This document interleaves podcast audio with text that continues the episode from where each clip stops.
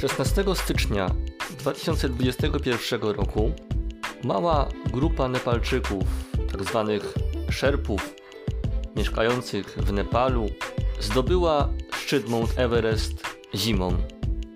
Było to wydarzenie bez precedensu, ponieważ do tej pory nikt tego nie zrobił. Kim oni są? To zwykli przewodnicy, tragarze, bardzo zwyczajni, prości ludzie, ale znający góry jak własną kieszeń.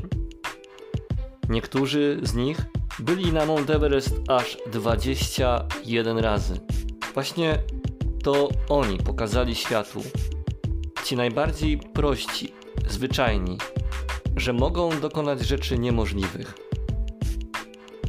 Robiąc krok wiary, potrzebujemy właśnie takich przewodników na drodze wiary.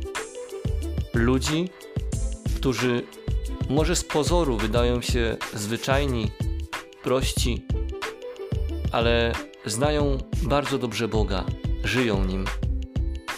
To właśnie oni mogą stać się przewodnikami w drodze do Chrystusa. Masz takiego przewodnika w swoim życiu. Gdzie go szukać? Bardzo prosto.